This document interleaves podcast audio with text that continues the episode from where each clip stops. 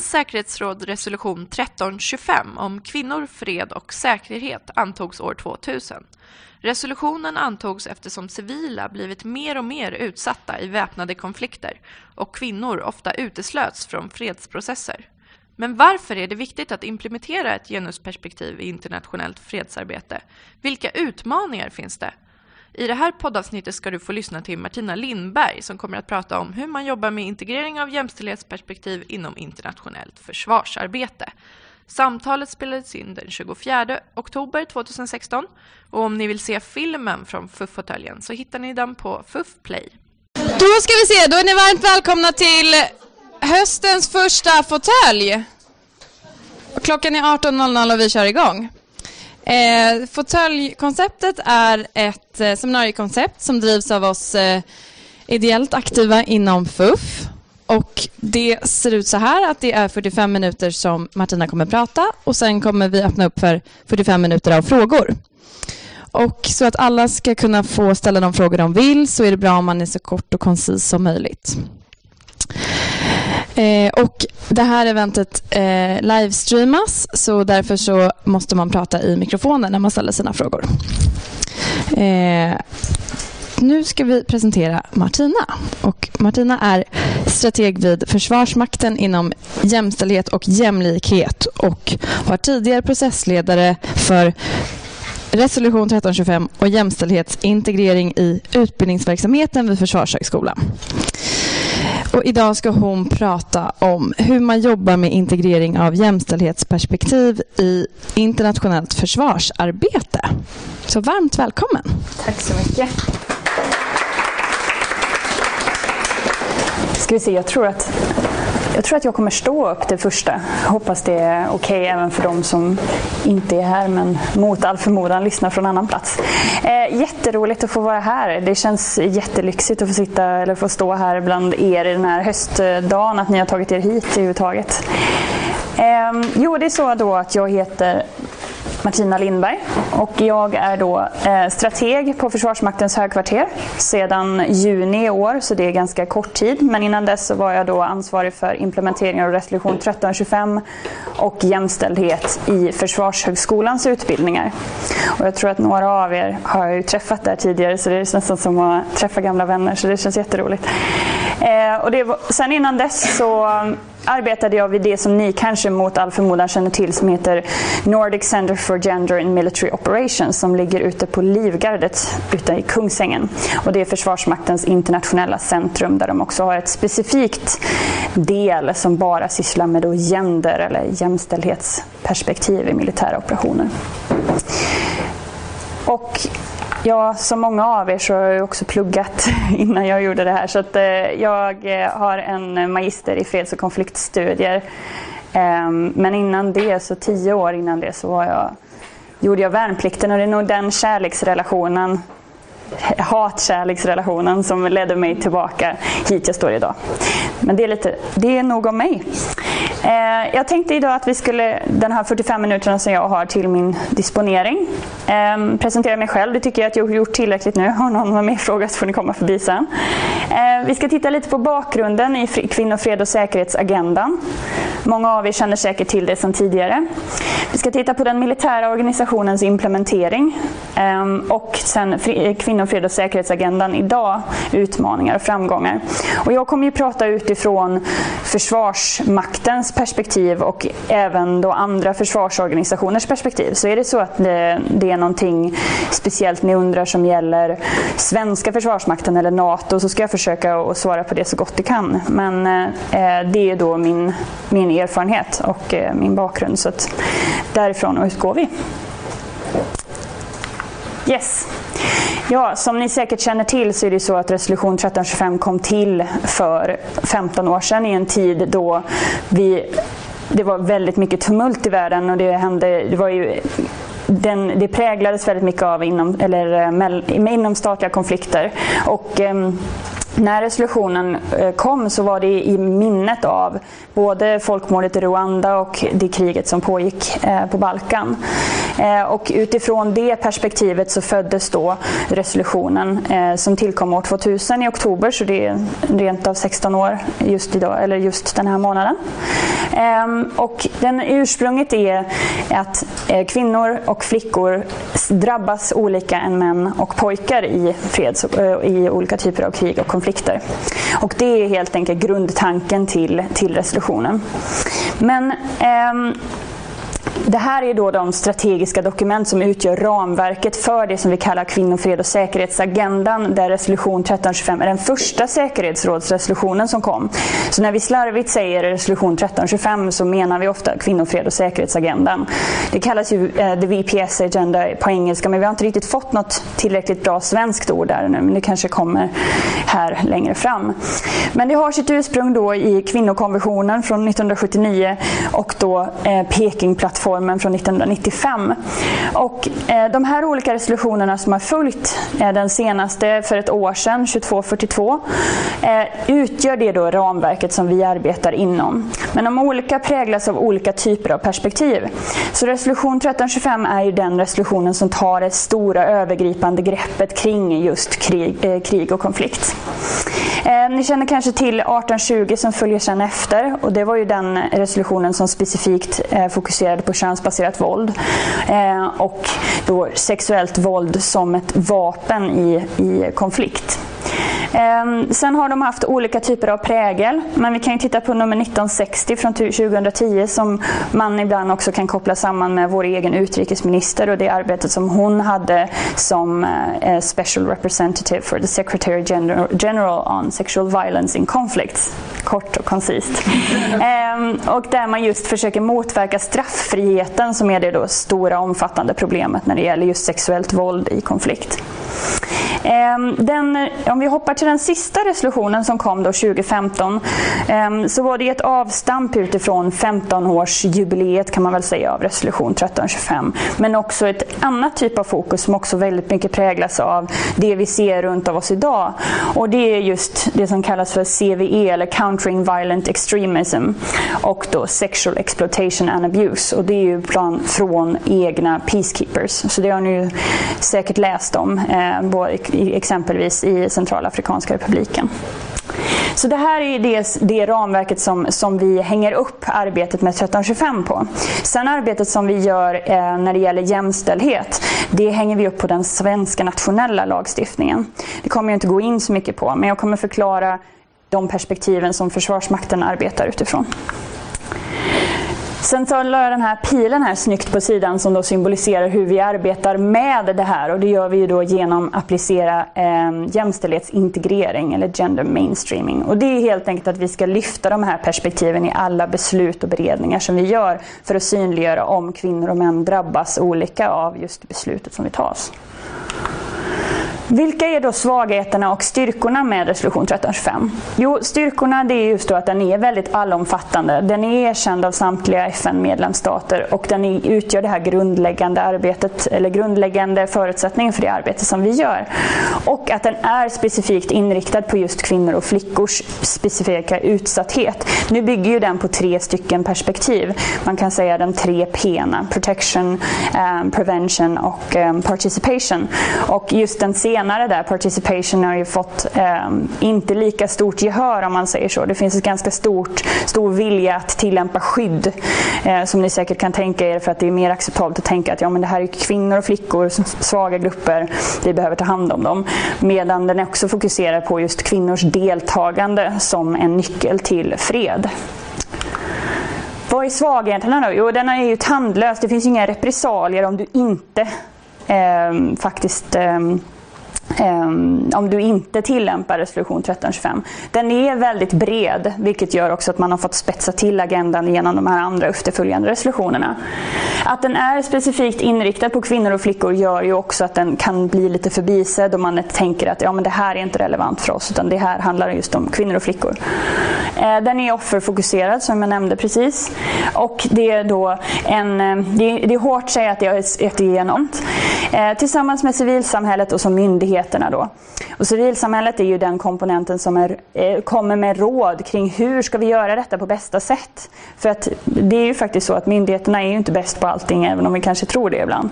Ehm, så att, och sen myndigheterna hur vi ska omsätta detta i vårt arbete oavsett om det gäller Sida eller om det gäller Försvarsmakten eller polisen eller Försvarshögskolan eller Folke Bernadotteakademin eller MSB eh, till exempel.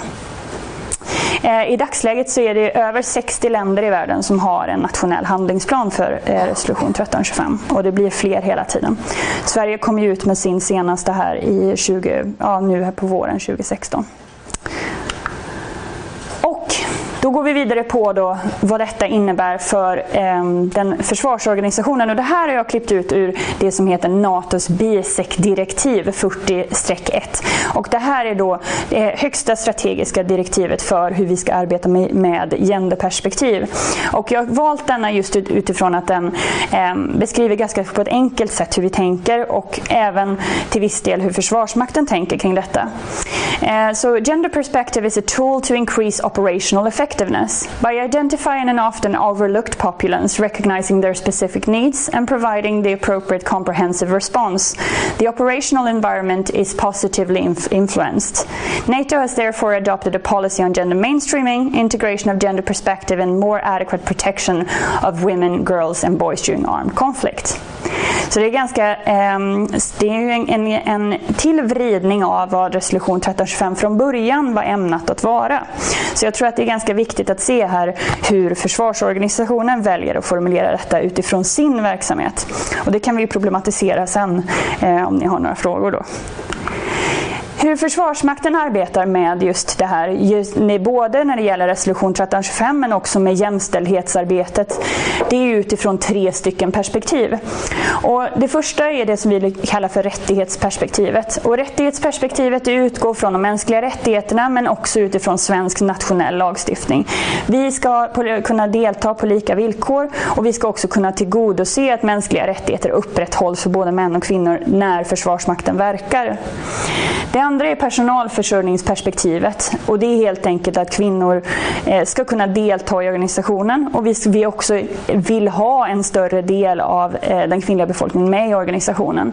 Och så är det faktiskt idag att vi kan inte, ehm, vi kan inte säga att vi inte vill ha eh, kvinnor längre i Försvarsmakten för att vi har helt enkelt inte tillräckligt med folk heller. Så att även om man förr kunde drafta en stor del av befolkningen i allmän värnplikt, som det kanske var när era föräldrar eh, gjorde pumpen så mm, så är det ju inte så idag. Eh, utan här finns också både för organisationens fortlevnad men också utifrån att man har kommit på att det är ganska mycket trevligare om vi är en blandad grupp.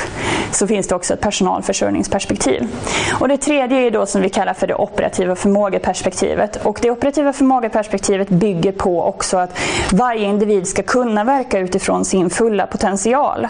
Så det handlar inte bara om att vi ska få maximal effekt utifrån att vi tänker gender i ett operationsområde utan det handlar också om att eh, om jag upplever att det är en dålig stämning på min arbetsplats, då har inte jag heller eh, möjlighet att utvecklas och göra det bästa jag kan i mitt yrke. Så det finns både ett internt perspektiv men också ett externt. Och då handlar det om att till exempel om vi har kvinnor och män bland våra egna soldater så har vi också större chans att möta både kvinnor och män ute i ett visst område. Så det är de här tre perspektiven som Försvarsmaktens arbete utgår från. För då att få detta helt enkelt tillämpbart i ett operationsområde så är detta en väldigt generaliserande struktur. Eh, och den ser ut så här att man på militärstrategisk nivå tillämpar något som, heter, som kallas för gender advisor eller genusrådgivare. Eh, och I dagsläget så ser det ut så att eh, man har ofta en individ på militärstrategisk nivå. I NATO till exempel så har man också en individ på politisk strategisk nivå. Så här har du på samtliga delar. Och I Försvarsmaktens eh, organisation som vi ser ut idag så har vi en individ både på den nivån och den nivån. Eh, och det innebär helt enkelt att den här individen är rådgivare till chefen. Hur ska vi på bästa sätt omhänderta de här tre perspektiven utifrån den verksamheten som vi har? Men som ni säkert förstår så räcker det ju inte med att vi har en person som brinner och bankar på den här chefens dörr hela tiden. Alternativt är faktiskt inbjudna av chefen för att de har så pass, eh, idag är cheferna så pass med på banan att de vet att det är bra att ha den här rådgivaren. Så har vi något som kallas för gender focal points. Och det är helt enkelt att eh, man utser en individ i en, ja men säg att på varje avdelning, så säg att en avdelning är tio personer, då är det en person som har till uppgift att Eh, lyfta de här perspektiven i det dagliga arbetet. Eh, och den har också då speciell utbildning. Eh, och det här gör ju att den här individen inte, det, det, hänger inte helt enkelt på en person utan det är flera delar av organisationen ska, som ska jobba med detta. Och likadant ser det ut då på när vi kommer ner, liksom, ner på taktisk nivå på marken.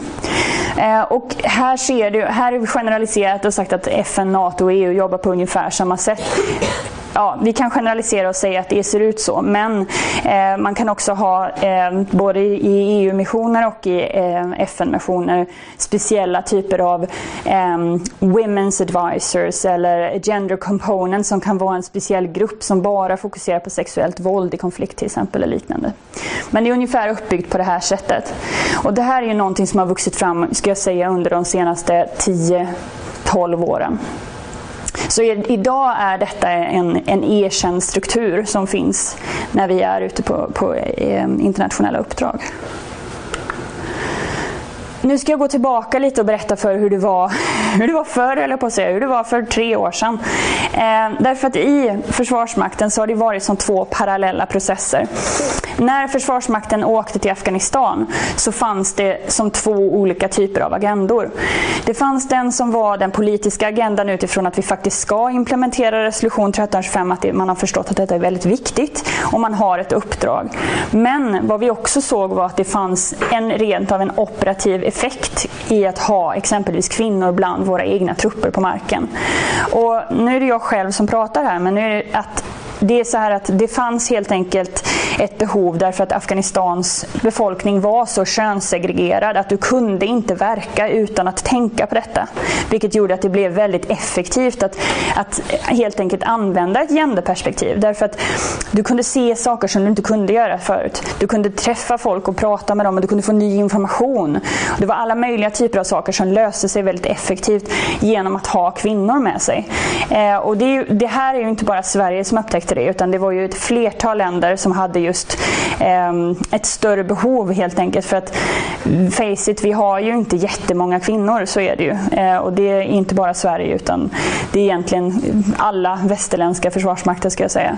Eh, och då, då, löste man det på olika sätt. Ehm, och i värsta fall, som vissa av länderna som var med, så kunde man ju ta folk från delar som man inte, man inte hade utbildningen men man helt enkelt behövde den här kompetensen som helt enkelt var att vara biologisk kvinna. Att man satte dem då eh, tillsammans med några andra för att helt enkelt flytta på kvinnor när man gjorde olika typer av såna house raids eller liknande. För att man använde kvinnor som mänskliga sköldar för man visste att kommer det in en man här så kommer inte han flytta på den här kvinnan. Hänger ni med på tanken?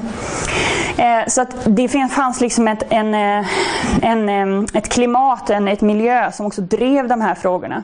Och i, I svenska försvarsmakten så kan jag säga att, att eh, jämställdhetsarbetet har ju varit eh, någonting som har pågått under en lång tid. Men i till exempel USA så var det ju så att väldigt många positioner inte var öppna för kvinnor under den här tiden. Men man i Irak och Afghanistan fick lov att ha vissa tjänster som man inte fick lov att ha annars. Så när man sen kom tillbaka hem och man blev placerad någon annanstans eller man åkte ut på en ny mission, då fick man inte lov att ha den tjänsten. För att det var helt enkelt så reglerna såg ut. Så därför har vi sett exempelvis att förra året att amerikanerna öppnade upp sina tjänster för kvinnor. Något som varit öppet i Sverige sedan 1980-talet men det är ju på grund av eh, de lagar och regler vi har i Sverige som inte får lov att diskriminera vare sig män eller kvinnor i arbetslivet.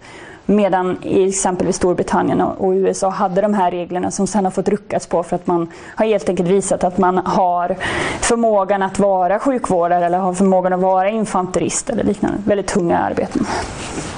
Så det är helt enkelt någon, jag, jag nämner detta därför att Afghanistaninsatsen och Afgan, det afghanska samhällets könssegregering var verkligen någonting som, som drev arbetet framåt. Här ska det vara en pil. Nej, det var det inte. Ja. Det är en pil här som eh, de här gröna prickarna är på. Och det här är för att ge lite perspektiv på var vi befinner oss idag. Och det är så att den svenska försvarspolitiska utvecklingen de senaste åren har ju varit när försvarsberedningen lämnade en rapport 2013 som hette Vägval i en globaliserad värld. Året därpå följer då försvaret av Sverige starkare i, en för, i starkare försvar i en osäker tid. Ni ser ju här att det har skett någon typ av skifte. Ehm, 2013 var, var i de internationella uppdragen någonting som präglade väldigt mycket det vi gjorde. Ehm, 2012 kom Gendercentrat till, eh, till, en, eh, till Swedint ute på Livgardet. 2014 ser vi då eh, vad som har hänt här. Här har ju eh, invasionen av Ukraina ägt rum. Jätteviktig komponent. För att vi ser då sen en försvarspolitisk inriktning 2016 till 2020 där vi befinner oss idag. Där vi har en återuppbyggnad av totalförsvaret. Och varför pratar jag om detta? Jo, därför att detta har givetvis också påverkat 1325-agendan. Därför att ska vi se om jag har en bättre bild här. Nej, vi tar och fortsätter här. Eh, det är ju så här att ehm, det är ganska enkelt att prata om kvinnors ehm, rättigheter och skydd av kvinnor när man inte befinner sig hemma i sitt eget territorium, om jag ska raljera lite. Eh, det är, mycket, det är mycket lättare att prata om att vi ska åka till Afghanistan och befria de här afghanska kvinnorna som är förtryckta. Medan att applicera då ett, ett eh, genderperspektiv i nationellt försvar. Dels måste vi omdefiniera vad det betyder för att det är en helt annan typ av, av uppgifter som vi gör. Väldigt många av uppgifterna som, som ägde rum i Afghanistan var ju polisiära uppgifter. Medan i Sverige är det polisen som sköter de uppgifterna. Så att dels så var det en omdefiniering av vad betyder då gender och genderperspektivet i Sverige. Men också eh, hur pratar vi om de här frågorna utifrån vår egen befolkning? Och hur blir det relevant här? Det här är alltså de svensk personal som är ute idag. Vi har alltså 335 personer ute idag. Och anledningen att jag säger detta, det finns också en fin karta här, kanske lite blek, men majoriteten av dem befinner sig här i Mali. Och sen har vi ungefär 35 personer här då, i Afghanistan. Och 2010 så var det alltså 500 personer som var här.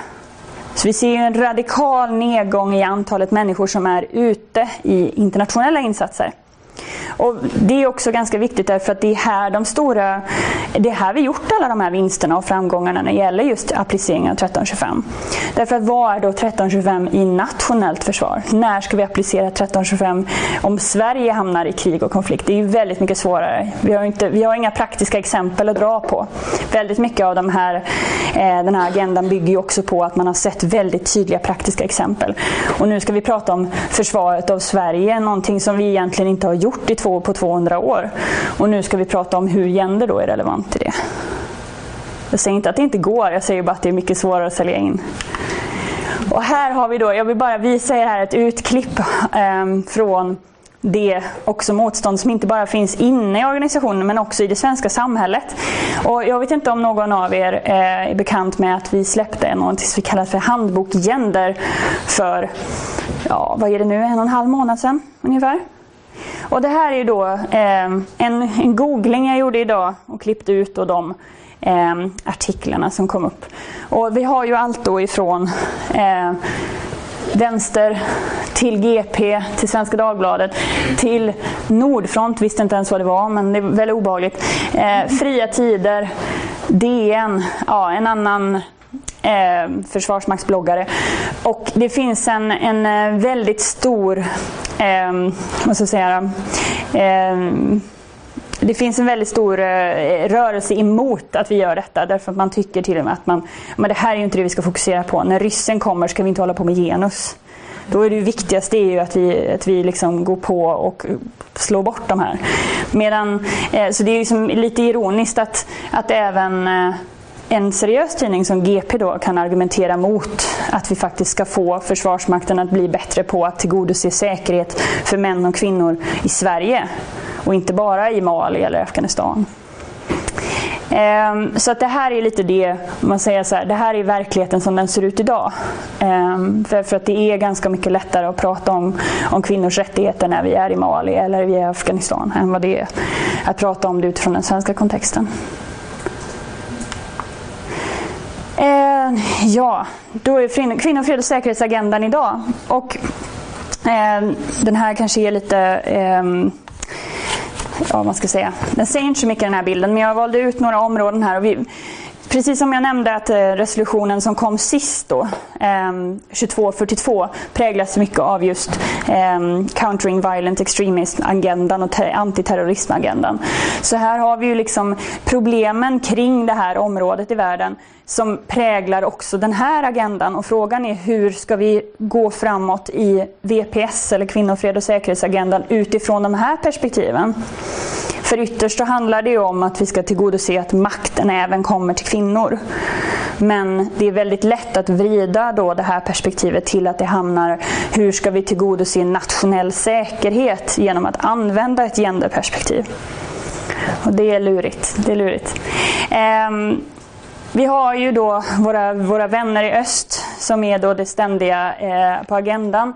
Och eh, det, det, är ju faktiskt så att när det här orosmomentet finns, då är det så att det tar väldigt mycket fokus ifrån andra agendor. Det kan jag tänka mig, alltså utifrån utvecklingsagendan som sådan så är det också så att nu är det så stort fokus på just nationell säkerhet.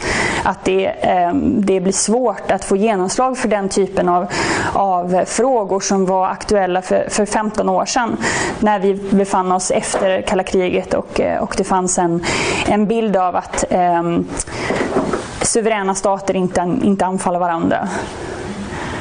Ehm, jag valde att sätta en blå plupp där också eh, därför att jag vill belysa just eh, det svenska deltagandet nu då i säkerhetsrådet från och med nästa år. Och, eh, det är frågan här nu då hur, hur detta kommer att påverka. Eh, kommer vi kunna påverka agendan? Eh, ja, förhoppningsvis kommer vi kunna göra det.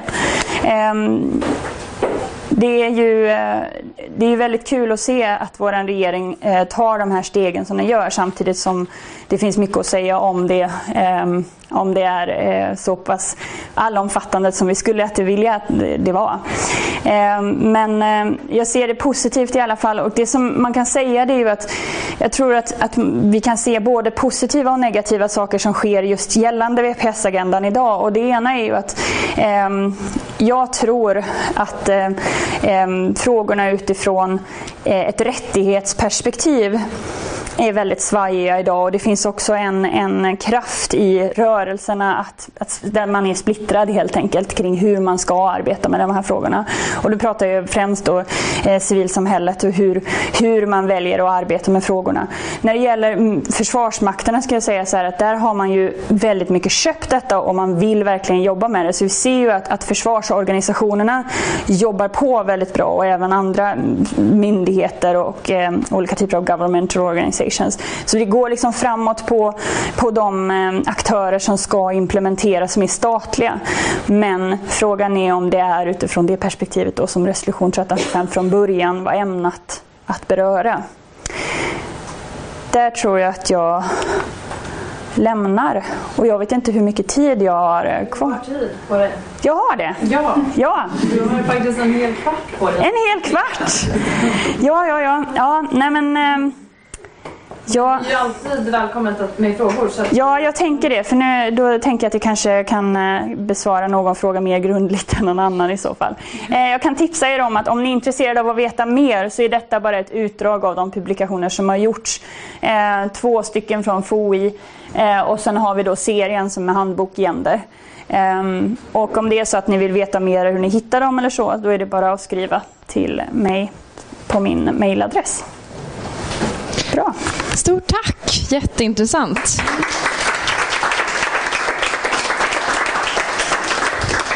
Och då öppnar vi upp för frågor. Så vem är först ut? Ingen som... Klart. Du börjar här. Hej, jag heter Eva Zetterberg och ordförande i Operation 1325, det civila nätverket tillsammans med Saga Holmgren som är praktikant på vår organisation. Och eh, jag berättar gärna lite mer om det sen om man vill veta mer om det. Eh, för vi är en organisation med fem medlemsorganisationer, ett kvin kvinnonätverk helt enkelt. Och arbetar med eh, att förmedla till olika eh, kvinnoorganisationer eh, inspiration och samarbete över gränserna i Mellanöstern, Palestina och nu med Colombia som utbyter erfarenheter. Och vi gör en hel del andra saker också. Men eh, frågan till dig och tack så hemskt mycket Martina. Intressant vad ni gör. Och eh, de frågor jag har är eh, det är ju helt annan tid nu, som du säger, nu än när man började år 2000. Kanske förhoppningarna var större också då eh, om att de svenska insatserna de skulle användas internationellt i fredsbevarande trupper och så vidare. Men nu är väldigt stort fokus på det svenska försvaret. Men de, det jag funderar på när du säger de här olika uppgifterna om man jämför med att eh, eh försvara kvinnor och skydda etc. jämfört med deltagande där vi har lagt väldigt stort fokus. Där att fler kvinnor, fredsprocesser och att kvinnor ska vara, ha en aktiv roll och inte bara ses som offer. Och då min fråga, eh, kan du se att det finns någon förskjutning, behovet av att skydda kvinnor och stoppa sexuella övergrepp, den har ju tyvärr inte försvunnit den uppgiften. Men att det har kommit mer fokus på den här aktiva rollen och kvinnors deltagande i fredsprocesser. Där, jag tänker bara ett litet exempel som jag har följt närmare är ju Colombia just nu som är jättespännande. Där ändå man säger nästan första feministiska fredsprocess där jag i alla fall har varit med några kvinnor till skillnad mot de flesta andra fredsprocesser. Men kan du se någon sån trend att man bör få mer uppmärksamhet kring det här med kvinnorna som aktivt deltagare, inte bara bli beskyddade? Tack. Nej. Eh, ska jag besvara direkt? Det är kanske lättast. Ja, det får du jättegärna göra. Eh, nej, men absolut så tror jag att, att eh, även deltagandedelen har varit någonting som, som har utvecklats de senaste åren. Eh, mycket för att man också har liksom aktivt pushat just deltagande och inte bara skydd. Ehm, men det är fortfarande så att när det gäller, om jag pratar utifrån försvarsorganisationen, så är ju det primära syftet att, att just skydda och därför blir det ju mycket lättare då att, att eh, tänka skydd. Då får vi ju tänka annorlunda i så fall får vi tänka hur ska vi faktiskt tillgodose den, eh, det skyddet som gör att kvinnor kan delta. Att man får tänka liksom ett snäpp till. Ehm, och eh, det tror jag att, att man gjorde väldigt, eller det gjorde man väldigt många insikter just i Afghanistan och den kontexten som var då. Ehm, jag tror att det är så tyvärr att, att eh, när vi inte har den konstanta lärandeprocessen så blir det också väldigt lätt att falla tillbaka. Alternativt att tänka att det är någonting som inte mm, behövs här därför att vi är så jämställda så att vi behöver faktiskt inte tänka på de delarna. Ehm, det är ju en, en farhåga som finns. Ehm, så att eh, jag kan säga att i, idag i Mali, den insatsen, eller där som Sverige är, är, där den majoriteten av svenskarna är idag, har man ju väldigt, väldigt liten möjlighet att faktiskt överhuvudtaget implementera 1325. Det är ett underrättelseförband som, som är på plats. Ehm, så att jag, jag tror att ehm, det finns Vetskapen är större men du måste hela tiden på lyfta frågorna för att annars så, så blir det väldigt lätt att, att det trillar bort. Och 1325-agendan trillar bort som sådan, så det som trillar bort först det är ju deltagandebiten. Mm. Tyvärr. Fler frågor? Var inte så blyga. Jag heter Emma och jag är tidigare student vid Försvarshögskolan, så vi har träffats tidigare. Jag har lite kortare fråga och det handlar om eh, Sveriges deltagande i FNs säkerhetsråd som du nämnde. Hur tror du att det påverkar att vi tillsätter en man när vi vill eh, prata om kvinnor, fred och säkerhet? Mm. Ja, ja, det är ju en, eh, en bra fråga. Vi gillar ju att tänka så här att, att man behöver, alltså precis som att man inte behöver ehm, man behöver ju inte vara kvinna för att tänka jämställdhet eller genderperspektiv. Eh, Likaså kan man också som man lära sig att tänka jämställdhet och genderperspektiv. Så vi kan ju säga så här att förhoppningsvis så, så, um, så, så, har den här mannen då förmågan att, eller har kunskapen, för det är just det kanske inte en förmåga utan det är faktiskt ett, ett kunskapsområde. Eh, men sen så vet ju jag att, att eh, Folke Bernadotteakademin har eh, riktat en speciell insats mot eh, Eh, UD eh, i egentligen ett försvarsmaktskoncept som heter Gender Coach-programmet där man tilldelar eh, de högsta cheferna en coach under två års tid som är eh, expert inom genus eller jämställdhet. Så man får liksom helt enkelt vrida och vända på de här frågorna på alla dess sätt så att man klarnar i vad, vad, innebär detta för mig och vad kan jag göra? Och, eh, då kan vi inte göra mer än att hoppas att den här individen får ta del av Gender Coach-programmet som FBA eh, tillgodoser. Ehm, jag tror också att det finns ehm, tack vare att vi har en utrikesminister som har de erfarenheterna som hon faktiskt har, så lyfter man ju frågan ehm, med just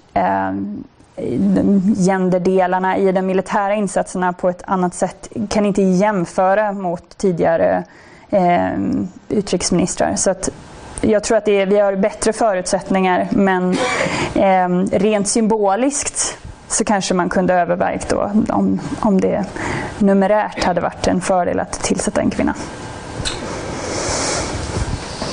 Fler frågor?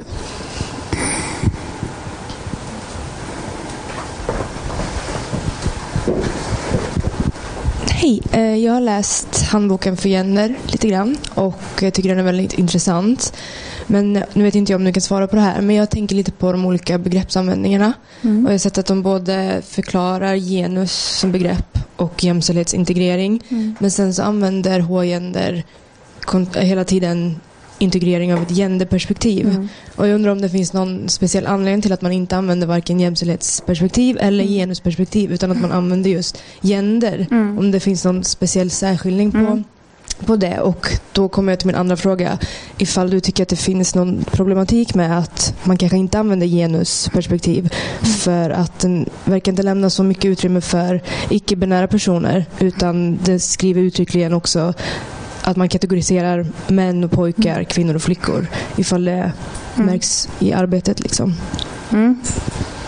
Det, det var mm, ja, väldigt eh, bra tänkt. Eh, nej, men det är så här att ehm, eh, vi kan ju säga så här att, att gender som sådant kom i en tid då eh, man också behövde att sälja in begreppet eh, till försvarsorganisationen. Och detta är ju alltså eh, i 2004 ehm, då som Försvarsmakten tillsammans med MSB, polisen, eller ja, det var ju, MSB fanns inte då så det var Räddningsverket ehm, eh, gjorde då någonting som kallades för Gender Force. Och i det här EU-projektet så skapade man då ett, ett, ett, koncept för hur man skulle arbeta med 1325 i alla de här olika organisationernas eh, verksamhet.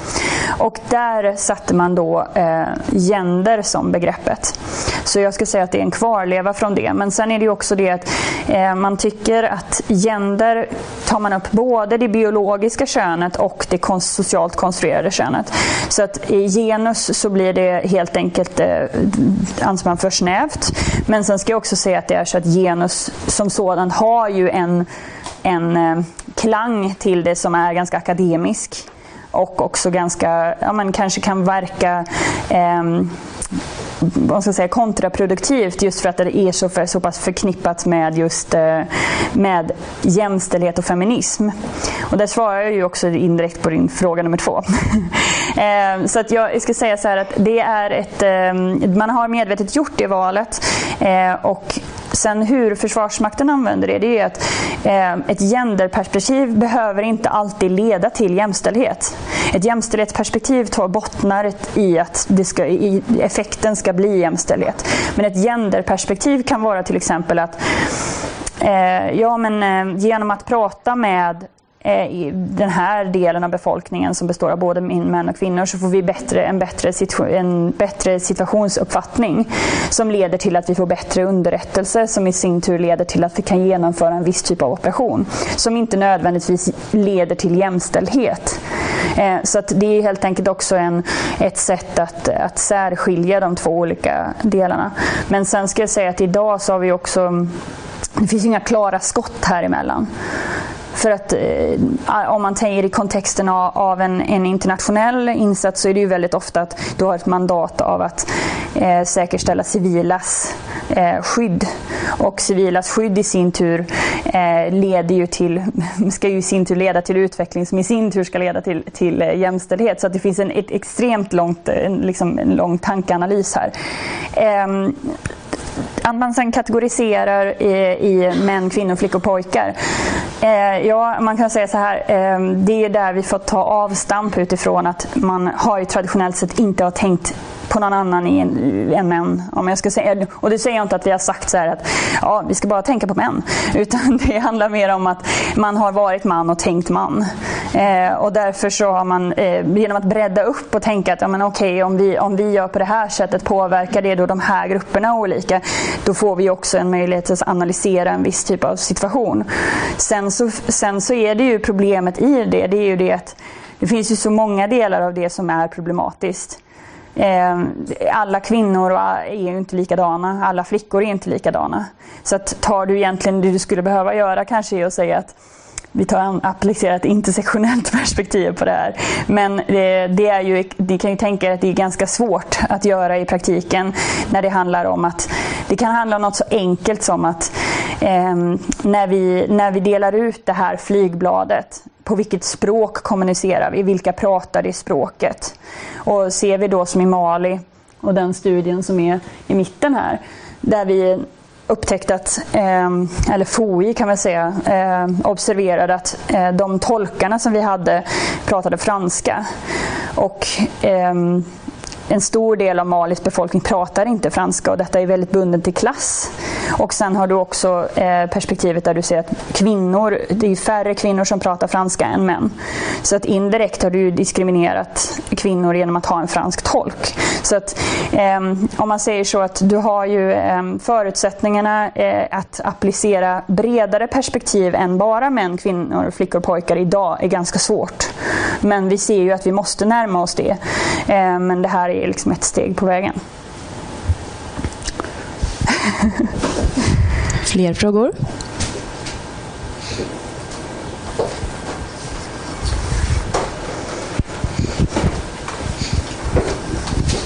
Du sa att det var lättare att applicera att eh, försöka sälja in ett VPS, eh, ja, att jobba för VPS-agendan när det gäller internationella insatser än just en fokus låg på nationellt försvar. Men jag blev nyfiken på vad du själv tycker skulle behöva göras vad det gäller det nationella försvaret.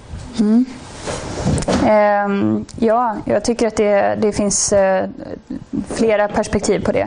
Dels så måste ju vi, som nu pratar jag utifrån Försvarsmakten, bli en organisation som tilltalar hela befolkningen och man också har förtroende för organisationen. Oavsett om man är kvinna eller man eller utländskfödd eller inrikesfödd. Eller, ja, du måste ha en tilltro, en folkförankring och där tror jag att vi har mycket kvar att göra. För att det är som att den här strategiska timeouten man har gjort har ju också gjort att väldigt många av Sveriges befolkning inte ser Försvarsmakten som en aktör i det svenska samhället. Eh, så där är ju en, en del. Eh, men sen så handlar det också om att vi kan inte ha den här typen av eh, jargong eh, internt som idag blir, det blir mycket bättre och bättre hela tiden men vi har ju fortfarande problem. och den, den här typen av maskulin, den här maskulina macho eh, jargongen Eh, är inte, man ska säga, den är inte operativt effektiv. Därför att det gynnar varken kvinnor eller män i organisationen. Och där läggs det ju väldigt mycket tid på att faktiskt reformera och få bort den här destruktiva kulturen. Ehm, så det, det, tror jag är den största utmaningen. Sen får vi se här nu då vad som händer med vår eh, potentiellt neutrala värnplikt, eller könsneutrala värnplikt. Ehm, och det ska bli jätteintressant att se hur, hur det tar sig uttryck och vad vi får för några typer av utmaningar där. Ehm, för att jag tror att, att eh, också ungdomarna idag det är så roligt när man inser att man inte är det själv, för det, man tror fortfarande att man är det. Eh, är ju, bygg, man bygger inte på samma typer av eh, eh, attraktion som du gjorde kanske för 20-30 år sedan. Så hur får du organisationen att vara en attraktiv organisation?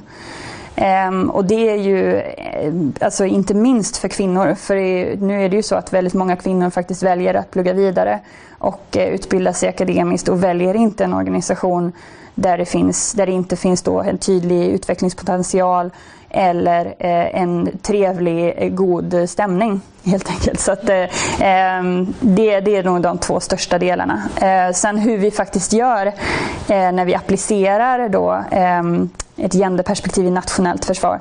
Där tror jag att vi har också stor väg att gå när det gäller just ehm, den typen av, vi ser ju väldigt mycket av eh, eh, man säger, psykologisk stridsföring i den för infooperationer mot, mot Sverige.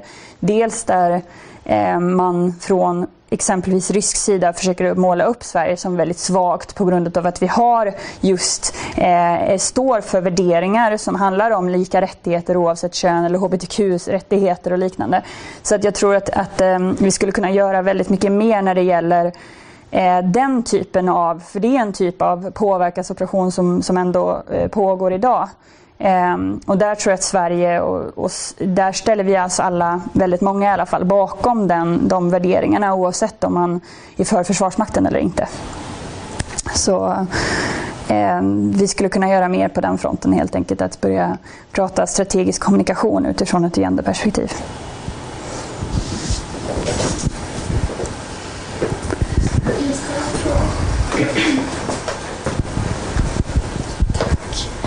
Um, ja, men jag tänkte på alltså, jämställdhet och liksom den feministiska regeringen menar ju ofta på att uh, jämställdhet är både ett mål och ett medel. Och jag tänker lite hur du ser på att det just används som ett argument för jämställdhet. Att man mm. fokuserar på att det är ekonomiskt effektivt och det är det, försvar, det liksom förbättrar försvaret mm. men mm. lite någonstans så glömmer man bort liksom grundfrågan. Mm. Nu blir det en väldigt ledande fråga. Men, men eh, liksom någonstans finns det, har ni jobbat någonting med det eller finns det en mm. diskussion? Eller? Hur ser det ut? Ja, men eh, det, är ju, det här kanske är min eh, absoluta hjärtefråga. Ehm, för jag, jag håller, förstår dig precis. Och, och, ehm, nej men det är ju så här att ehm, om vi pratar som vi tänkte förr, om vi säger när Afghanistaninsatsen var på sin höjdpunkt, då fanns det, då fanns det en väldigt särskiljning mellan just det här, det operativa, eh, att det, det, är liksom, det är effektiviteten av att arbeta med ett genderperspektiv. Och sen har vi då det interna jämställdhetsarbetet som man sa, men det är någonting som pågår här borta som inte alls hör ihop med det här. Eh, och idag så går, jobbar vi utifrån de här tre perspektiven när man har då utgår från egentligen ett, ett, ett rättighetsperspektiv som sådant. Men eh, jag tycker att det är beklämmande att vi ska behöva rättfärdiga eh, rättighetsfrågan utifrån att den ska vara effektiv. Eh, det, jag tycker det är, är jättetråkigt eh, men det kanske är då den här, jag vet inte eh, om man är naiv eller vad det är för någonting. Men eh, det, det finns ju, om vi ser på, om man ser på kvinnors rättigheter i Sverige tillbaka till 1920-talet så var det ju också ett, en, en tanke om att kvinnor faktiskt kunde delta och bidra till samhället som också drev kvinnors rättigheter framåt. Och likadant liksom med eh, när kvinnors utträde ur hemmen och barnomsorg kom och att man faktiskt kunde vara med till produktiviteten i samhället och tillväxten och liknande. Så att, eh, det är ju inte, det är ju långt ifrån det här området som är, eh, skiljer sig. Det är ju samma när man ser på mikrolån till exempel. Att, att eh, man speciar in sig speciellt på kvinnor därför att man vet att de inte slänger bort pengarna om man ska vara lite sån. Eh, och, eh, så att det, det, jag tycker det är jättesvårt men det gäller väl att hitta en balans ursäkta, mellan just eh, Ehm, att man inte bara hänger upp det på vad som är effektivt utan också att man hela tiden bottnar tillbaka i, i jämställdhetsagendan. För att vi såg ett problem när vi sålde in det enbart som ett operativt effektperspektiv. Att vi då sen, exempelvis när vi fick det nationella eh, perspektivet, så det som vi säger att det kom så, men det var ju lite som ett eh, en eh, väldigt tvära kast. Ehm, och ehm, där, där, eh, då var det ju det att ja, men det här är ju längre inte applicerbart. Därför att det här är någonting vi gör när vi är någonstans där borta och vi har en viss typ av uppgift. Men det är ju inte sant. Eh, det är bara att, att eh, det tar sig i en annan form. Där utifrån de nationella uppgifterna idag så handlar det nu om att eh, Försvarsmakten ska börja jobba med civila aktörer som sådan och då handlar det om liksom civila myndigheter och Försvarsmaktens samarbete, det som kallas för civil militär samverkan. Och där kan jag säga att där har vi fått gå tillbaka till nästan till och damma av de här skisserna från 80-talet. Liksom. Hur, hur gjorde vi här? Är den här personen fortfarande, lever den här fortfarande? Är han pensionär? Nu sa jag han, men det, ja, det kanske det var inte så normkritiskt av mig, men det är kanske mer sant. Eh, och, eh, då, eh, så att I dagsläget så ser vi det så här att det är inte... Eh, vi står i dagsläget att se hur ska vi arbeta eh, tillsammans kring totalförsvaret när det gäller länsstyrelser, MSB, eh, landsting, liknande. Och där handlar det också om att eh, i, i en, en förlängning så är det ju också civilsamhället i Sverige som ska komma in där. Ehm, men eh, jag tror att, att det är också Eh, Eh, det är två saker. Det, det, är dels att det här är, är, vad ska man säga, det är ganska nytt. Men sen är det det att när vi inte har... Jag tror att när det väl bränner till, om det skulle göra det, då tror jag att det kommer hända saker. Men det är väldigt svårt att idag att hela tiden spekulera vad som ska hända och bygga samarbeten utifrån potentiella situationer. Medan alla andra samarbeten vi har gjort när vi har haft andra typer av insatser har ju baserat på att vi har varit i ett insatsområde och vi har stött på olika typer av problem. Och här är en organisation som vet vet mer om detta. Hur kan vi lära oss då? Idag så är det ju fortfarande så diffust kring vad eh, har vi. Väldigt många tror ju inte att det finns ett hot. Väldigt många tror att det finns ett hot. Vad, vad är det för någonting som, vad är det för typ av, eh, av scenario som vi arbetar utifrån? Det blir mycket svårare då att också samarbeta med eh, hela samhällets eh, om man säger så, hela samhällets aktörer, även om det är det som best case scenario skulle vara det som vi borde göra.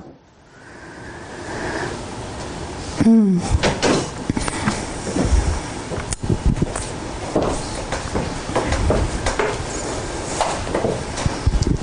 Jo, jag tänkte det du sa om eh, jargongen inom försvaret. Så här, har man jobbat någonting kring det så här, internt?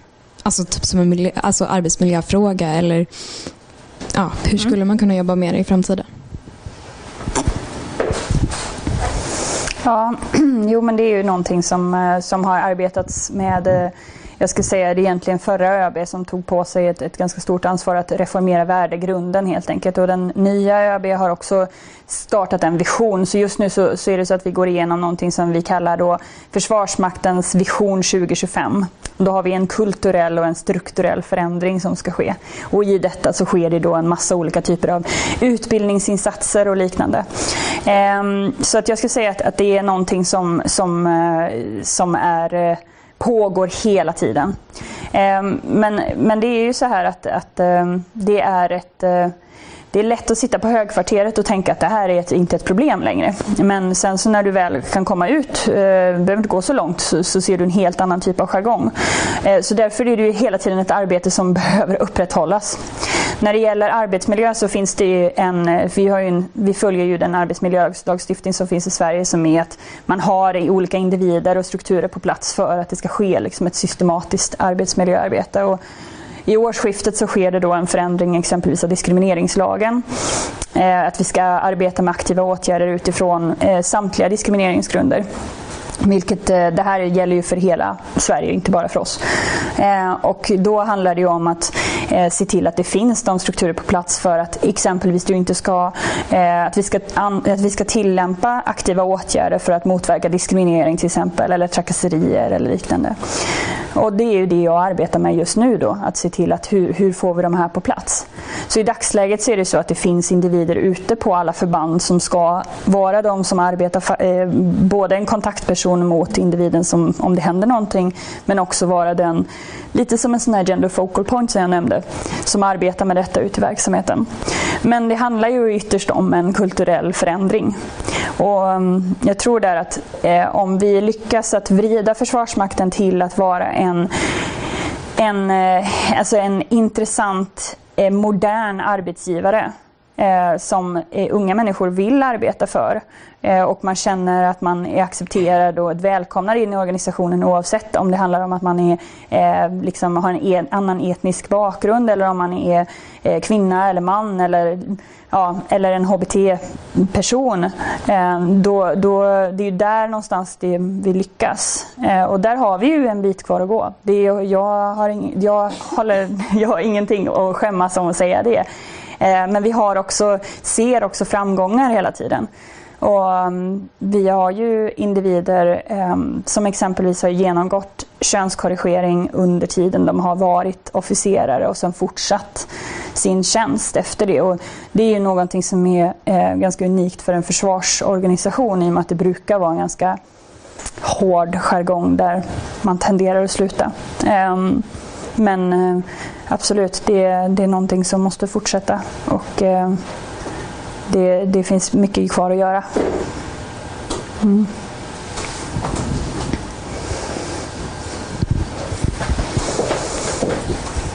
Ehm, du sa att man ser de här förändringarna och förbättringarna. Jag undrar väl lite hur, hur sker den här utvärderingen av, av arbetet både nationellt och internationellt? Och hur, hur mäter man att det faktiskt går framåt? Mm. Mer liksom metodmässigt. Mm.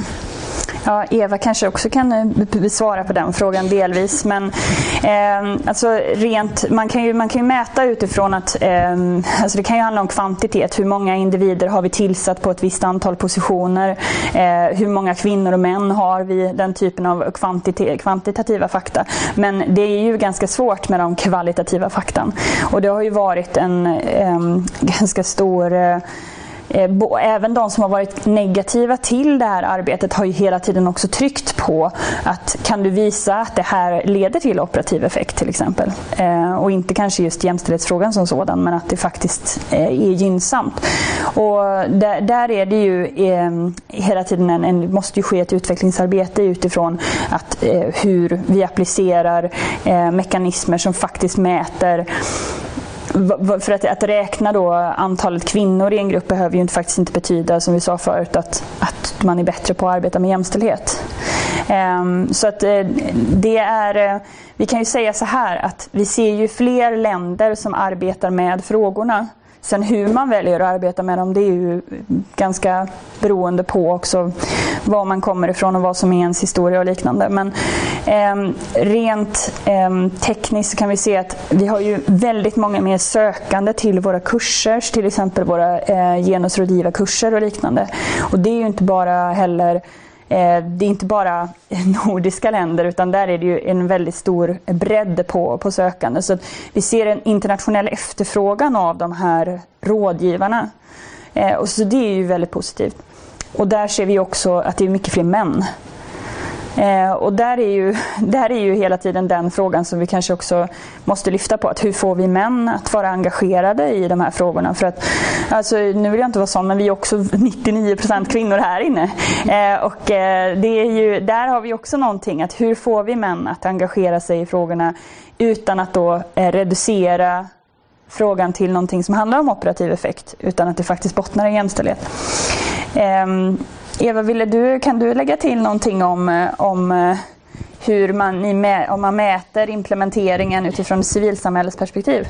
Nej, jag tycker nog att man nästan bara har sett den här eh, kvantitativa frågan och hur man i olika internationella organisationer då har jobbat väldigt hårt haft kampanj omkring att få in kvinnor på alla tänkbara nivåer och att mm. man har mätt då framstegen. Och det går, det går ju långsamt, det mm. går ju framåt. Mm. Men det här, jag tycker det är en väldigt viktig fråga du ställer hur man kan se det kvalitativa mm. förändringen. Men ja, jag har inte sett någon sån studie, det kanske finns. Någon annan Nej, det... Och det är väl egentligen eh, problemet för att om, om man tillsätter, om man säger så här, det är liksom det här finns en studie som heter Add Women and Stir.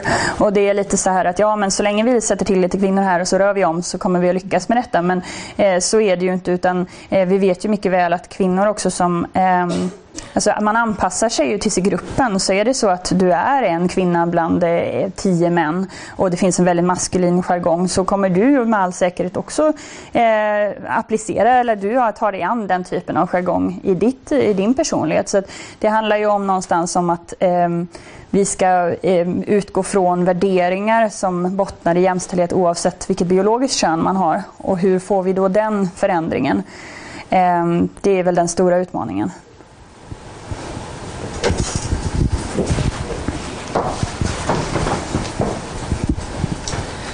Jo, ehm, jo, just det här att vi har använt ehm, operativ effekt som ett argument för att få in det. Det är förståeligt för att annars hade vi nog fått vända i dörröppningen i stort sett med de här frågorna tidigare. Ehm, men det har ju också som du säger nu, när vi har kommit mot ett nationellt säkerhetsfokus så blir det väldigt svårt att applicera. Det kan ju å andra sidan också ses som en möjlighet. Nu får vi börja om och kanske gå in med en annan approach. Skulle det också kunna ses som något positivt? Att man kanske kan använder sig av en lite mer eh, konstruktivistisk approach. Eller faktiskt, jag tänker Margot Wallström och den här nya feministiska utrikespolitiken. I de dokumenten så används det en lite mer eh, konstruktivistisk mm. inriktning tycker jag när jag läser dem i alla fall. Att man pratar mer om könsroller, mer mm. om att utmana det här klassiska säkerhetstänket mm. och, hur, och liksom konfliktlösning i sig. Mm. Skulle man kunna se det här ändå som en, en liksom chans till nystart för att faktiskt transformera även Försvarsmakten i de här frågorna på en mer mm. konstruktivistisk istället för essentialistisk mm. eh, feministisk mm. inriktning. Eller liksom, ja, ja, ja. Konstig fråga kanske. Nej, men... nej, jag tror att jag förstår vad du menar. Eh, ja, nej men eh, det, jag tror att, att eh, vi har en eh, vi har en eh, möjlighet att omdefiniera agendan nu på grund av att den inte, det finns inte det här liksom, taktiska anpassningen som fanns i Afghanistan. Eh, så där finns ju absolut ett utrymme att omdefiniera och det, det uppfattar jag att det håller på att ske nu. Jag, jag var väldigt frustrerad 2013 när jag såg bara hur allt bara vände och det tog sig resultat i att vi eh, helt plötsligt gick ifrån att ha internationella eh, scenarion i våra övningar till exempel till att få väldigt nationella scenarion som i stort sett var bortkopplade med civil, de civila dimensionerna var i stort sett borta. Eh, och det är ju eh, också intressant för att det är inte som att vi inte har en befolkning i Sverige utan det var ju bara som att det, fokus på det nationella territoriet då var det liksom territoriella säkerheten sen har vi befolkningen någonstans men det är inte vårt uppdrag. Den, där, där har vi på något sätt eh, gått tillbaka och ser nu liksom då att ja just det, vi det är nationell säkerhet men det handlar också om, om ehm, befolkningen och liknande. Så att, eh, jag ser att det finns en, om, en möjlighet att omdefiniera men det är ju någonstans där, eh, vad ska man säga, eh, Ja, men jag tror kanske på ett sätt essentialistiska delen kanske var lättare att, att uh, applicera i en, i en liksom en internationell insats där man såg kvinnor som någon slags typ av eh, eh, vad ska säga, fredlig individ som inte gjorde någonting dumt. Och eller egentligen, Ja, precis. Eller ett offer. Eh, medan i Sverige tror jag inte att vi ser det på det sättet utan här har vi ju mer en, en annan typ av syn. Men det blir nästan att vi ser det som att det inte är några skillnader mellan män och kvinnor. Vilket inte heller är sant. Så det blir på något sätt, eh, jag tror att det, är, det blir som en tankevurpa där. Att hur, nej men då, då går det inte att applicera detta för att det är för, för lite skillnad mellan män och kvinnor. Ehm, det handlar om att omdefiniera agendan, eller omdefiniera synen på det. Ehm, och jag tror att avstampet måste bli den här civilmilitära samverkan. För att ehm, vi, vi, kan absolut eh, vi kan applicera ett genderperspektiv genom Försvarsmaktens eh, operativa arbete på fler ställen än där. Men om vi börjar att lyfta eh, de civila dimensionerna eh, i den civilmilitära samverkan, där har vi en del. Men om vi sen lyckas då att liksom aggregera den till män, kvinnor, flickor och pojkar, det är där vi befinner oss nu. Att i samtalet med länsstyrelserna till exempel, när man tar upp krisberedskapsplanerna, att prata om att ja, men eh, hur, hur när vi ser så här, Ja men det här, nu går fienden in här, vi skär av den här vägen, det här, får, det här blir konsekvenserna av det. Ja, men hur drabbar det då olika grupper i samhället? Och den dialogen har vi inte nu. Men där står vi idag. Så jag tror att vi befinner oss någonstans där och om några år förhoppningsvis så, så kanske vi inte ens diskuterar det för att vi förhoppningsvis inte har något hot. Eh, men om vi säger att det fortsätter som idag då, då skulle jag säga att då har vi en, eh, en kanske en en mer eh, pragmatisk reflektion där. För att i dagsläget där så är det tyvärr så att väldigt många har en väldigt, väldigt eh, måste man ska säga, det blir teknisk infrastruktur. Det handlar om liksom elförsörjning, det handlar om vattenförsörjning, värme, den typen av saker. Men vad faktiska konsekvenserna skulle innebära för befolkningen, det är liksom, den luckan har man inte riktigt lyft på än. Ja. Lite civilt försvar där i också. Mm. Jag kan passa på att ställa en fråga då. Mm. Eh, hur eh, ser du att andra länder jobbar med eh, genusinkludering i försvarsarbetet? Är det något som är unikt för Sverige eller finns det andra länder som också jobbar på liknande sätt? Eh, nej, men vi har absolut kollegor som, som jobbar eh, på liknande sätt. Eh, man säger så här, i, utifrån det internationella perspektivet så, så var det ju väldigt många länder som började arbeta med de här frågorna. Och eh, där ehm, om man säger så, där var, de flesta såg ju eh, det operativa perspektivet och fördelarna med att göra det. Så där, där blev ju helt enkelt många länder som gjorde den här iakttagelsen. Men hur, man sen, eh, hur det ser ut idag, där går vi lite isär. Och sen så är det så att vissa länder har nischat sig mot vissa delar då till exempel. Så Storbritannien har ju gjort en satsning mot eh, gällande sexuellt våld i konflikt. Och då har det blivit deras eh, typ av nisch om man säger så.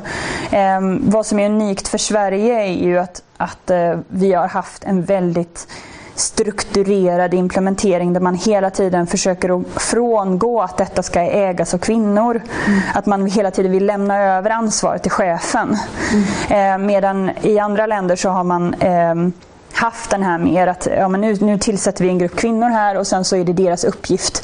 Och det, det kan ju handla om att oavsett om det är en liksom, ehm, eh, det kan handla om ett jämställdhetsarbete som sådant eller om det handlar om de här Female Engagement Teams som det var i USA där man liksom gjorde renodlade eh, grupper med bara kvinnliga soldater eller soldater som var kvinnor. Eh, så att det, där, där har man ju tagit väldigt olika mm, syn på det. Eh, jag tror att Sverige är det som att, att man har en sån, ehm, att vi från början i det svenska samhället lever eh, tätt män och kvinnor har ju gjort också att det här arbetet tror jag har varit mer accepterat här än på andra ställen därför att till exempel ehm, i USA har, bor ju inte kvinnorna och männen tillsammans när man vare sig man är eh, på sitt eget förband eller om man, om man är ute i insats. Så att har du till exempel en, en kvinna som gruppchef så bor hon i en del av eh, liksom ett annat hus och du då kanske tillsammans med dina andra eh, kollegor som är män eh, bor här. Vilket innebär att om det händer någonting så är ni på två olika platser. Mm. Så det är rent sådana saker som också som gör att det blir motsättningar. Medan i Sverige har vi bott tillsammans ja, jag vet inte hur länge. Mm. Så det, det, finns liksom andra typer av strukturer som också har gjort det lättare. Vi ser inte att det finns en motsättning i att vi har mixade grupper. Medan om vi lyssnar på, liksom, om man tittar på forskningen och den typen av eh, eh man ska säga, diskurs som pågår så handlar det ju väldigt mycket om att ja, men kommer kvinnor att dra ner kvaliteten på eh, stridsförmågan? Kommer vi vara tvungna att sänka kraven för att det är fler kvinnor med? Eh, kommer de att göra gruppsammanhållningen sämre? Kommer män då att inte vilja strida för att de ser sin kollega som är kvinna skjuten? Alltså alla de här sakerna är någonting som är högst levande om vi egentligen går utanför våra egna gränser. Så att, eh, det, vi behöver, och där kan jag säga att Finland, eh, Danmark, Sverige, Norge, det är ju egentligen Sverige och Norge som har en viss typ av eh, om man säger så, har en position där man har gått i främre ledet internationellt. Danmark ska jag säga är ju eh, mm, är vi inte bra.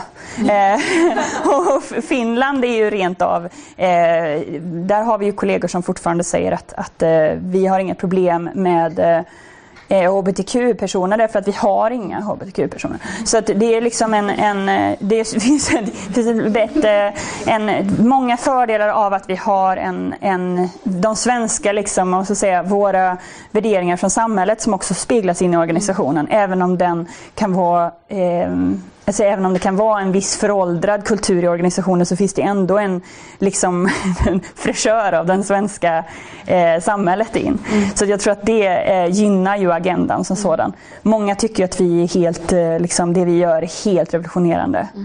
Mm. och alltså att Försvarsmakten exempelvis satsar Ehm, fortfarande, vi har nu eh, pågående har vi alltså åtta stycken av de högsta cheferna inklusive överbefälhavaren som går Gender Coach-programmet.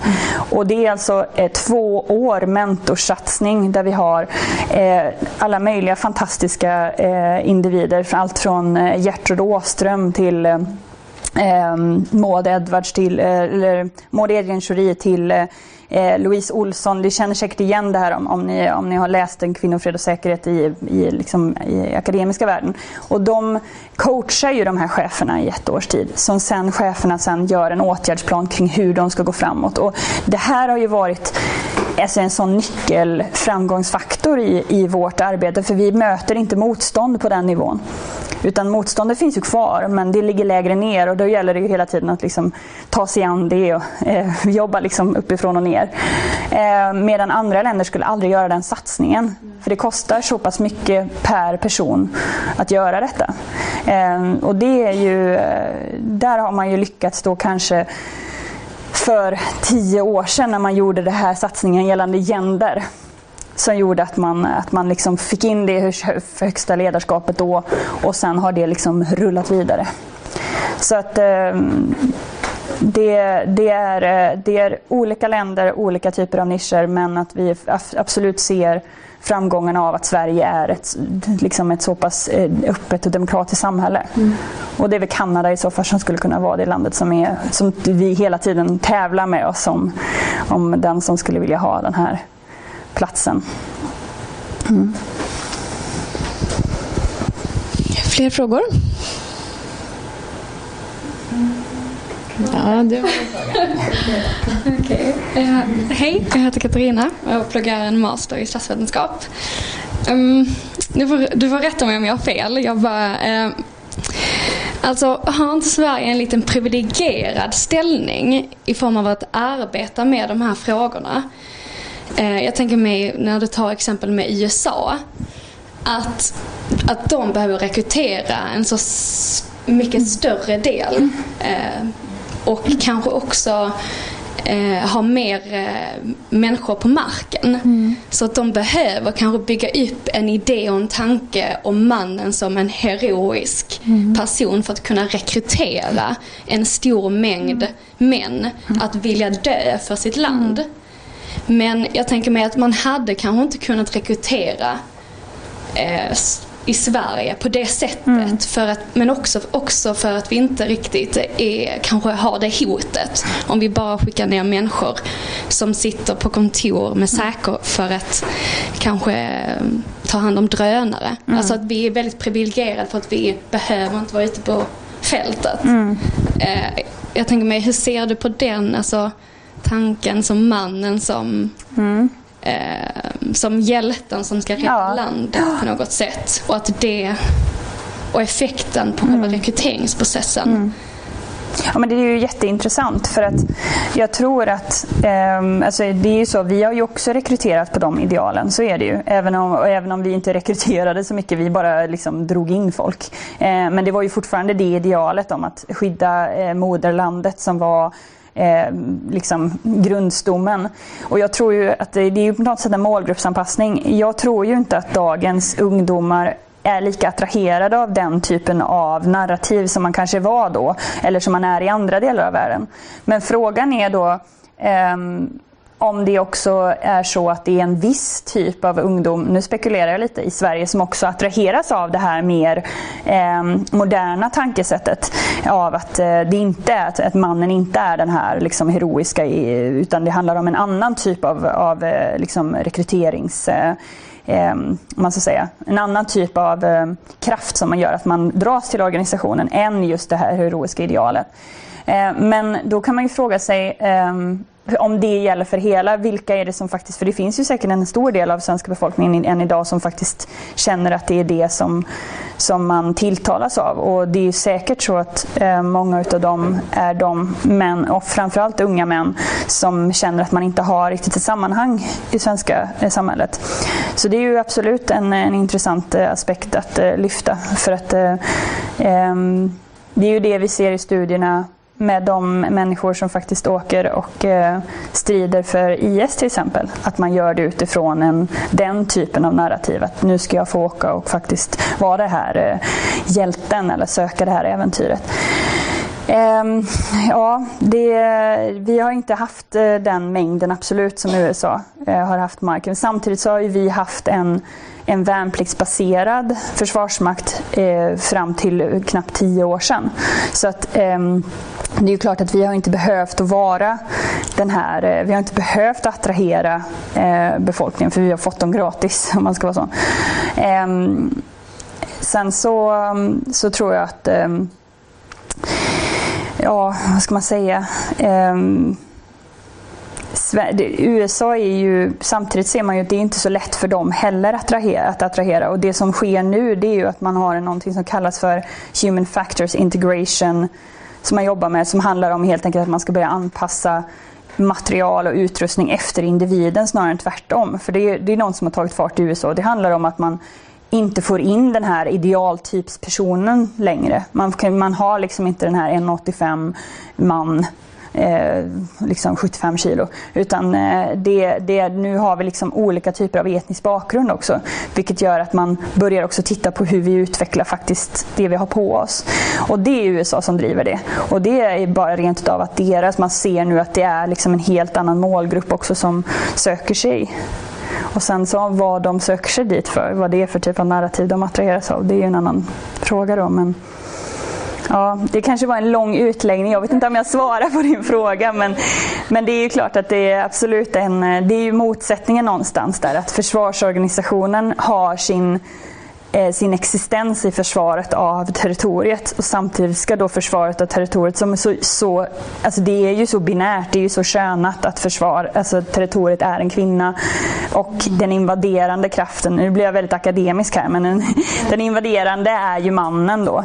Eh, och att det är klart att det att, att uh, bryta det, eh, det uråldriga på något sätt eh, mönstret, det är ju en jätteutmaning. För hur får du då liksom eh, människor att vilja dö för sitt land utan att trycka på den knappen som handlar om att fosterlandet liksom. Ja, det, löser du den så kan du komma och jobba för oss. ja. Fler frågor? Passa på nu när vi har en expert på plats. Mm. Jag vet inte så mycket en fråga, men kanske bara mer en reflektion. Jag tänker när vi ändå hade Afghanistan missionen och allting det här så fanns det ju en viss attraktion i så som Försvarsmakten gjorde reklam var ju åk ut i världen, gör skillnad. Mm. Eh, och lägg till det alla Hollywoodfilmer som utspelar sig i Afghanistan, mm. Irak med dessa hjältar. Mm. Liksom. Eh, kan vi se att det kommer liksom bli svårigheter nu då när vi bara har nu går man in på Försvarsmakten och då är det en skog. Försvara den här liksom. Mm. Ja, okej, okay, kul liksom. Mm. För det är inte alls det som händer i de här Hollywoodfilmerna. Um, har man liksom, ser man framför sig att det kanske kommer bli svårare med rekryteringen nu i och med den här, eller att man, för man ser ju även också på det är ju en mer nationalistisk diskurs att försöka få tillbaka det här mm. viljan att försvara. Mm. Men som du säger, det är kanske inte är det ungdomar vill göra idag. Nej. Uh, så Ja, jag vet inte, det är väl mer kanske bara en reflektion. Det kanske kommer minska mm. tills det att vi får Hollywood att göra filmer om våra svenska skogar istället. har, ni, har ni sett Försvarsmaktens nya kampanj? Den som kom ut här nu kom ut förra veckan. Den finns i tunnelbanan bland annat. Ja, det kanske bara jag som ser den. För... Ja, den är, är ju egentligen bara bilder på, på hus. Eller, eh, ja, det kan vara en, villa, en villafasad eller en, eh, en liksom eh, flerbostadsfasad. Eller, Eh, Eh, och eh, jag hade faktiskt eh, fördelen att prata med kommunikationsdirektören förra veckan här och, mm, det hon sa det är ju det här att det är första reklamkampanjen på väldigt länge som riktar sig till allmänheten och inte riktar sig till rekrytering som sådan. Vi har ju sett olika typer av rekryteringskampanjer genom åren och vissa av dem har ju varit jättebra och vissa av dem har inte varit lika bra. Och nu ser vi ju en som egentligen syftar till att, att vi ska börja och reflektera kring att Sverige värt att försvara. Eh, och sloganen är ju eh, du nya, du fria. Så att det, det finns liksom en, en, eh, man försöker, det här är ju jag själv som har gjort den här tolkningen då, men det man försöker göra är ju egentligen att ta den här eh, nationella eh, stoltheten och göra den till någonting som man kan faktiskt, eh, som kan gynna organisationen. Och jag tror att det är jätteproblematiskt i det, för att det är väldigt lätt att gå i den här nationalistiska fällan. Eh, men som jag ser det nu, har, det, det, är ju ehm, någonting som man är väldigt medveten av och, om. Och eh, vad man ser, om man ser rent liksom kommunikativt hur vi arbetar idag så kan du se en jättestor skillnad i att det är liksom inte de här gröna, bruna, eh, liksom, eh, murriga färgerna och någon hjälm som kryper i lera. Liksom, utan nu är det mer det här eh, man, vill, man vill visa kamratskapen och man vill visa eh, det liksom öppna, fria Sverige och man vill visa någonting om att man ska liksom försvara det svenska värdena, vad de nu är. Nu går jag i liksom gropen av att politikerna vad som är de svenska värdena. Men, men egentligen de demokratiska värderingarna som vi ändå har i Sverige. Att stå upp för individens rättigheter och, och liknande. Så att, eh, det är ju där man någonstans vill ta då, eh, sätta fötterna.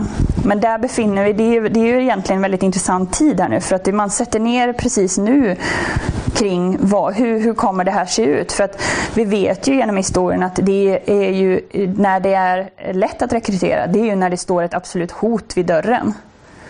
Och hur lyckas man liksom då att, att eh, se till att vi har en rätt individer i organisationen eh, innan då potentiellt det skulle stå ett hot för dörren?